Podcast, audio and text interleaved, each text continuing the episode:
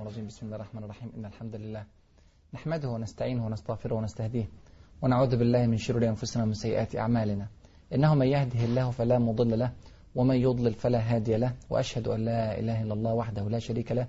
وأشهد أن محمدا عبده ورسوله. أما بعد فأهلا ومرحبا بكم في هذا اللقاء المبارك. وأسأل الله عز وجل أن يجعل هذه اللحظات في ميزان حسناتنا أجمعين. مع الحلقة الثانية والعشرين من حلقات فتح فلسطين والشام وفي الحلقة الماضية رأينا الفتح العظيم وسقوط مدينة دمشق عقر دار الشام وسقوط كذلك مدينة حمص في أيدي المسلمين وسعي أبي عبيدة ابن جراح رضي الله عنه وأرضاه لنشر القوات الإسلامية هنا وهناك لإكمال فتح الشام وإذا برسالة تأتي من عمر بن الخطاب رضي الله عنه يطلب من أبي عبيدة أن يكف عن إرسال السرايا وأن يجمع إليه سراياه وأن يمتنع عن الدخول في حروب جديدة مع الدولة الرومانية. كل ذلك لأن هناك كان معركة كبيرة جدا ستدور روحها بعد عدة أيام أو عدة شهور في أرض فارس وهي موقعة القادسية. وكان رستم قائد الفرس الكبير أشهر قواد الفرس في تاريخ الفرس بكاملها كان يعد عدة بلغت ربع مليون مقاتل فارسي ضد حوالي 32 ألف مقاتل مسلم. موقعة رهيبة جدا واحد لثمانية ظن عمر بن الخطاب أنه من الممكن أن يحتاج إلى الطاقة الإسلامية في بلاد الشام ولذلك آثر ألا يدخل أبو عبيدة في معارك جديدة. لكن يا ترى هرقل هيسيب أبو عبيدة؟ لو كان أبو عبيدة يترك الحروب ويترك المعارك هل سيتركها هرقل؟ هرقل يرى أن الأردن قد ضاعت منه فلسطين في معظمها قد ضاعت منه باستثناء القدس والسواحل سواحل فلسطين. دمشق سقطت حمص سقطت بعلبك سقطت جوسي سقطت يعني عدة مدن من المدن الكبرى والمهمة في بلاد الشام سقطت فماذا يفعل هرقل في ذلك الوقت؟ طبعا هرقل ما نسيش القضية.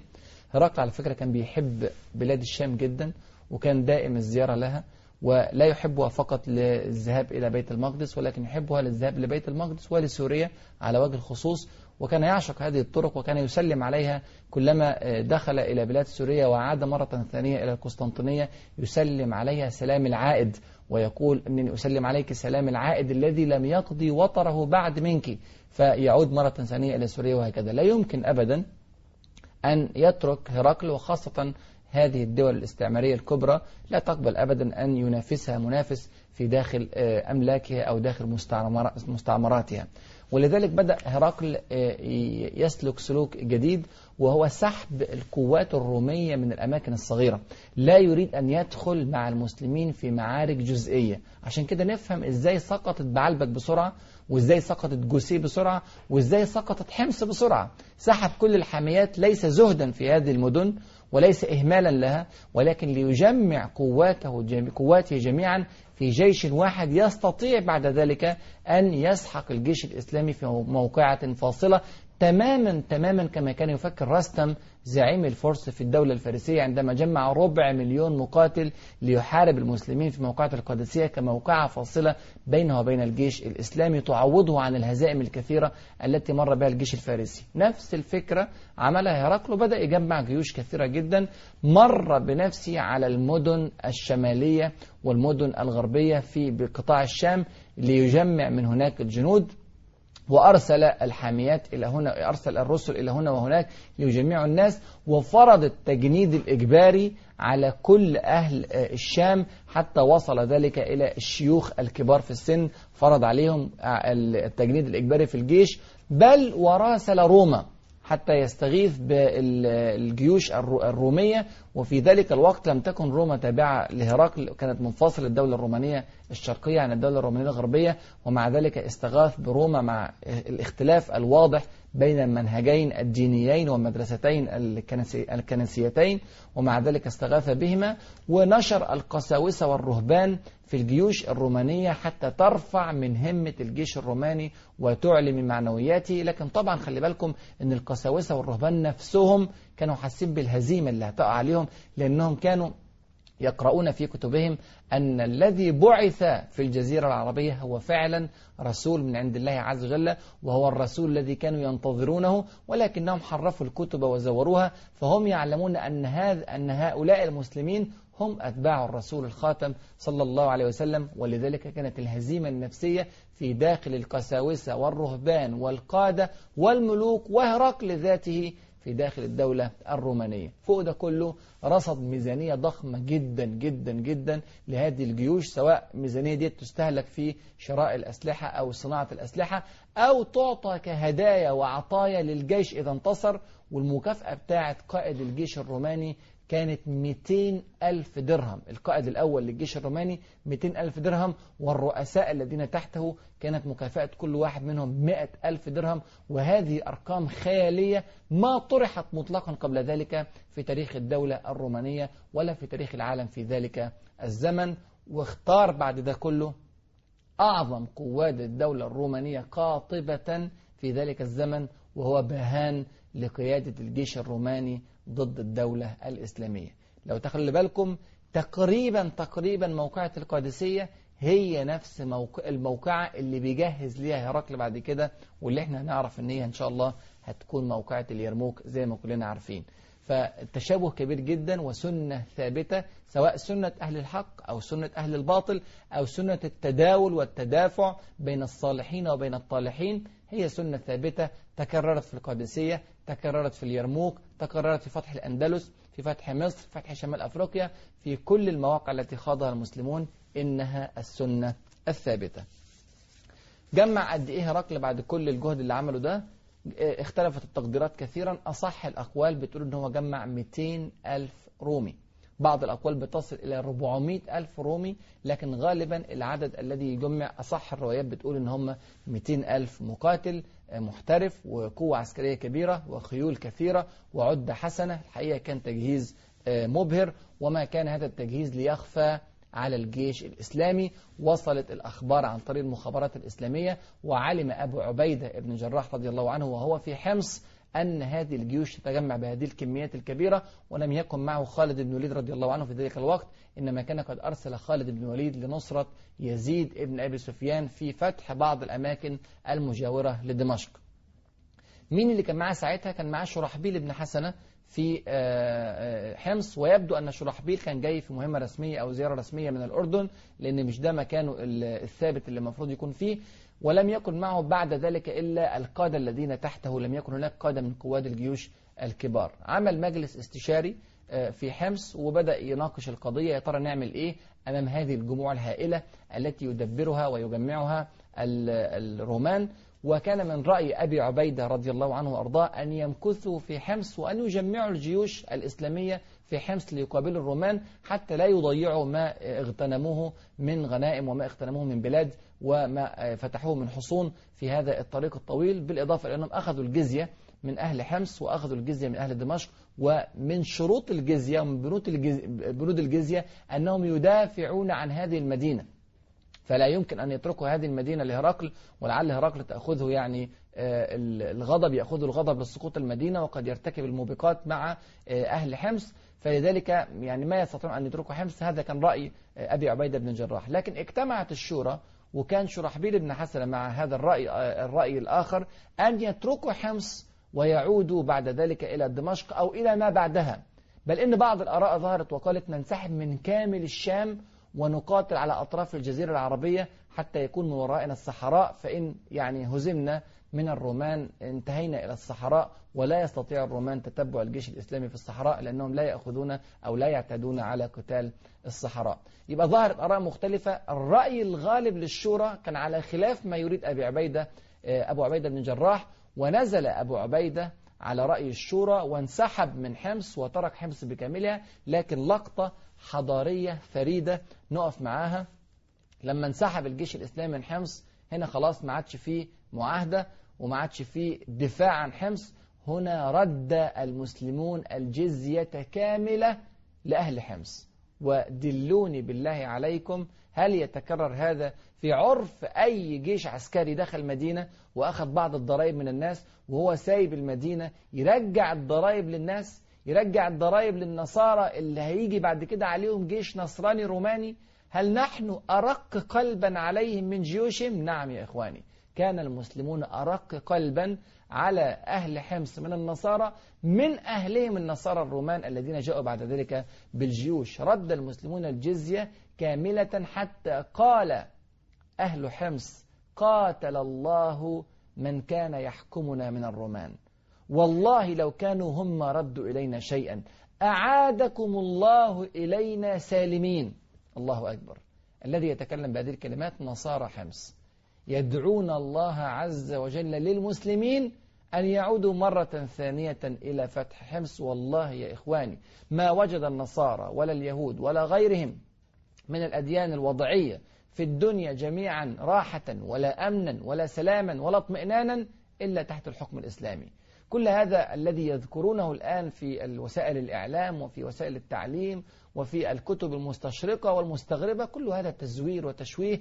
أما تاريخ المسلمين الحقيقي فهو ما نتعرض له الآن ونرى أن المسلمين مع كامل قوتهم وكامل بأسهم يعيدون الجزية كاملة لأهل, لأهل حمص. ثم انسحب المسلمون من حمص ولم يتركوا جنديا واحدا في أرض حمص وعادوا إلى دمشق حيث كان يزيد ابن أبي سفيان وكان خالد بن الوليد وأرسلوا رسالة إلى عمرو بن العاص ليوافيهم في دمشق لعقد مجلس استشاري عسكري كبير يرون فيه ماذا يمكن أن يفعل في هذه القضية. وفي نفس الوقت أرسلوا رسالة إلى عمر بن الخطاب رضي الله عنه وأرضاه يخبرونه أنهم انسحبوا من حمص تجهيزا لحرب كبيرة مع الجيش الروماني. ترى ما هو رأي خالد بن الوليد؟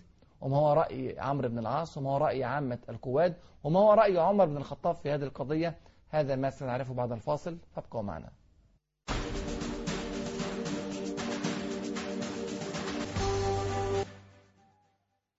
بسم الله الحمد لله والصلاة والسلام على الله. قبل الفاصل شفنا التجهيز العظيم الذي قام به هرقل وتجميع أكثر من 200 ألف مقاتل من الرومان المحترفين. وإعطاء الوعود الجزيلة بهدايا ضخمة جدا للقواد الرومان إذا انتصروا على المسلمين ووضع على قيادة الرومان القائد الروماني الفذ باهان وهو أعظم القواد الرومانيين في ذلك الوقت وجمع القساوسة والرهبان لتحفيز الجيش تحفيزا معنويا وتحرك بنفسه هرقل لجمع الجيوش من هنا وهناك ووصلت الأنباء إلى المسلمين. وانسحب أبو عبيدة ابن جراح من حمص بعد أن علم هذا الأمر. بعد مجلس استشاري قضى بذلك وهذا الأمر الذي فعله أبو عبيدة كان على خلاف رغبته ولكنه نزل على رأي الشورى ورد المسلمون الجزية لأهل حمص كاملة وعادوا إلى دمشق. أرسل أبو عبيدة رسالة بذلك الأمر إلى عمر بن الخطاب في المدينة المنورة وعندما تلقى عمر بن الخطاب الرسالة وقرأها كره ما فيها. كره أن ينسحب المسلمون من حمص وقال لماذا يتركون أرضا فتحها الله عز وجل عليهم؟ إن هذا يجرئ عدو الله عليهم. يعني كان رأي عمر بن الخطاب من نفس رأي أبي عبيدة بن جراح رضي الله عنه وأرضاه. ولكنه قال كلمة مهمة جدا. سأل الرسول قال هل رأيتهم اجتمعوا على ذلك الأمر؟ يعني هل اجتمع الناس ولا ده رأي خده أبو عبيدة لوحده هل اجتمع الناس على أن يتركوا حمص؟ فقال نعم عملوا مجلس استشاري وفي هذا المجلس الاستشاري أخذوا الرأي بترك حمص. فقال عمر بن الخطاب كلمة جميلة قال أرجو أن يكون قد جمعهم الله على الخير. سبحان الله. ما دام في شورى يبقى في بركة إن شاء الله. حتى وإن كانت الشورى تأتي على خلاف رأي عمر بن الخطاب وتأتي على خلاف رأي أبي عبيدة بن جراح وهم من هم. ليس فقط من الصلاح والتقوى والسبق ولكن من القيادة. هذا قائد الدولة الإسلامية بكاملها وهذا قائد جيوش الشام بكاملها ومع ذلك ينزلون على رأي الشورى فما أروع هذا الجيش. وصل المسلمون إلى دمشق وعملوا مجلس استشاري أعلى أكبر. هذا المجلس كان فيه خالد بن الوليد رضي الله عنه يزيد بن أبي سفيان رضي الله عنه عمرو بن العاص رضي الله عنه شرحبيل بن حسنة رضي الله عنه أبو عبيدة بن جراح رضي الله عنه وقيس بن هبيرة رضي الله عن الجميع. هذا المجلس الاستشاري يضم أكبر طاقات عسكرية موجودة في بلاد الشام. القضية خطيرة جدا. يا ترى هنعمل إيه مع الوضع الجديد؟ كان من رأي يزيد ابن أبي سفيان أن ينسحبوا إلى الجابية والجابية هذه يعني حوالي 50 كيلومتر تقريبا جنوب غرب دمشق. يعني انسحاب ليس بكبير ولكنه لا يريد أن يقاتل الجيش الروماني وهم قريبون الجيش الروماني قريب من المدد والمسلمون بعيدين عن المدد بتاعهم في المدينة المنورة. ويريد أن يكون قريبا نسبيا من الصحراء بحيث لو حدث لا قدر الله هزيمة للجيش الإسلامي يقدروا ينسحبوا بعد ذلك إلى الصحراء. شرحبيل بن حسنة كان عايز نرجع أكتر من كده كمان. نرجع إلى أطراف الجزيرة العربية. نرجع لبعد مؤتة. يعني نرجع لأطراف الصحراء عشان لو حصل هزيمة ما يبقاش فيه استئصال للمسلمين. أبو عبيدة ابن الجراح كان عايز يبقى في منطقة الجابية أو يبقى في دمشق. خالد بن الوليد رضي الله عنه كان عايز يبقى في دمشق لكن اجتمع الناس على الانسحاب من دمشق والبقاء في الجابية يبقى الرأي الغالب اللي اجتمع عليه أكثر من واحد كان أبو عبيدة ومعاذ بن جبل أيضا كان في هذا المجلس ويزيد بن أبي سفيان. اجتمعوا على أن يكون اللقاء وقيس بن هبيرة كذلك على أن يكون اللقاء في منطقة الجابية جنوب دمشق. وكان خالد بن الوليد يرى خلاف ذلك كان يرى أن يبقى المسلمون في دمشق ذاتها ويحاربوا من دمشق بل إن خالد بن الوليد رضي الله عنه كره الانسحاب من حمص. تخيل. يعني عندي كده القمم الثلاثة أبو عبيدة بن الجراح وعمر بن الخطاب وخالد بن الوليد رضي الله عنهم وأرضاهم جميعا كانوا يرون البقاء في حمص أفضل. لكن خالد بن الوليد سأل هل عندما انسحبتم من حمص انسحبتم بشورى؟ فقالوا نعم قال أرجو أن تكون فيها الخير. الرؤية في منتهى الوضوح يا إخواني. الاستبداد بالرأي لا يأتي بخير مطلقا وإن كان الذي يستبد برأيه أكبر عقلية في الدولة الإسلامية. لذلك كان المسلمون ينزلون على رأي الشورى. لما اجتمعنا دلوقتي في دمشق اجتمع جهابذة العمل العسكري وكان جواهم خالد بن الوليد. ولما اختلفوا نزلوا على رأي الشورى المخالف لرأي خالد بن الوليد وانسحبوا بالتبعية من أرض دمشق إلى منطقة الجابية. الموقف في فلسطين موقف خطير لأن طبعا دلوقتي إحنا عندنا في فلسطين الجيش الإسلامي كان سيطر على معظم الأماكن باستثناء القدس وباستثناء المدن الساحلية. لكن أهل القدس بعد انتصار بيسان كانوا قد راسلوا عمرو بن العاص على الجزية دون أن يفتحوا الأبواب.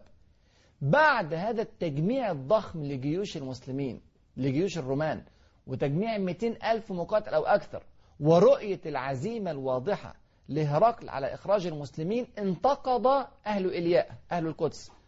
وأرسلوا رسالة إلى عمرو بن العاص أنهم لن يدفعوا له الجزية وأنهم خرجوا من عهدهم. وأرسل عمرو بن العاص رسالة إلى أبي عبيدة بن الجراح بهذا الأمر مع عبد الله بن عمرو بن العاص عبد الله بن عمرو بن العاص الزاهد العابد الورع التقي كان أيضا من المجاهدين في أرض الشام وكان يقاتل تحت راية أبيه عمرو بن العاص في فلسطين. طبعا بعد المجلس اللي قلنا عليه ده الانسحاب للجبيه رجع عمرو بن العاص تاني إلى فلسطين وحدث هذه حدثت هذه المشكلة وأرسل بها عبد الله بن عمرو بن العاص إلى أبي عبيدة. ماذا يفعل أبو عبيدة؟ قال عليك بالشدة الشدة. لا تترك القضية تضيع من أيدي المسلمين فتضيع الأملاك والبلاد والحصون التي فتحوها. عليك بالشدة الشدة مع أهل إلياء حتى لا ينتقد أهل فلسطين بكاملها. هنا أرسل رسالة أبو عمرو بن العاص إلى أهل إلياء وكانت الرسالة تخلو تماما تماما من الدبلوماسية. إحنا تعودنا قبل كده أن رسائل المسلمين كان فيها اللطف وفيها المودة وفيها التقريب وفيها محاولة الدعوة إلى الله عز وجل والدعوة للإسلام لكننا الآن يا إخواني ويا أخواتي في موطن مختلف. نحن الآن في أزمة كبيرة جدا لعل أهل إلياء لو انتقدوا وحمسوا أهل فلسطين أن تثور ثورة كبيرة على المسلمين فيضاف أعداد وأعداد إلى المقاتلين الرومان فتصبح طامة كبرى على المسلمين.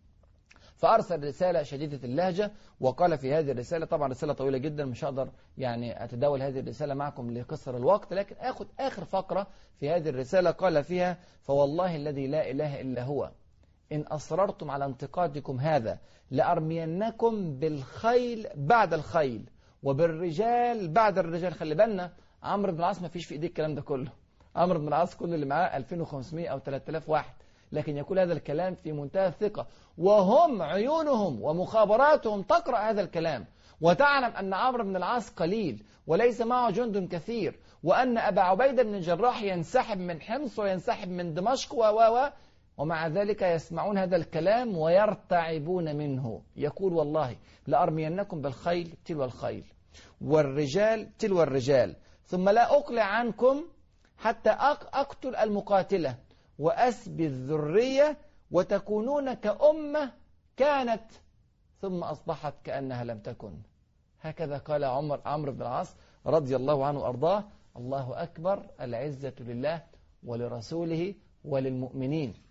بعد هذه الرسالة القوية ارتعب أهل إلياء رعبا شديدا ونصر رسولنا صلى الله عليه وسلم بالرعب مسيرة شهر ونصر أتباعه الذين يتبعون سنته كذلك نفس النصرة التي نصرها صلى الله عليه وسلم مسيرة شهر ومكث أهل إلياء في حصونهم لم يخرجوا وهذا ما كان يريده عمرو بن العاص رضي الله عنه وأرضاه. ما كان يريد أن يخرج إليهم بجيشه ولكن كان فقط يريد أن لا يخرجوا هم بجيوشهم وألا يحمسوا الناس على نقد العهد مع المسلمين. لذلك تحقق ما يريد.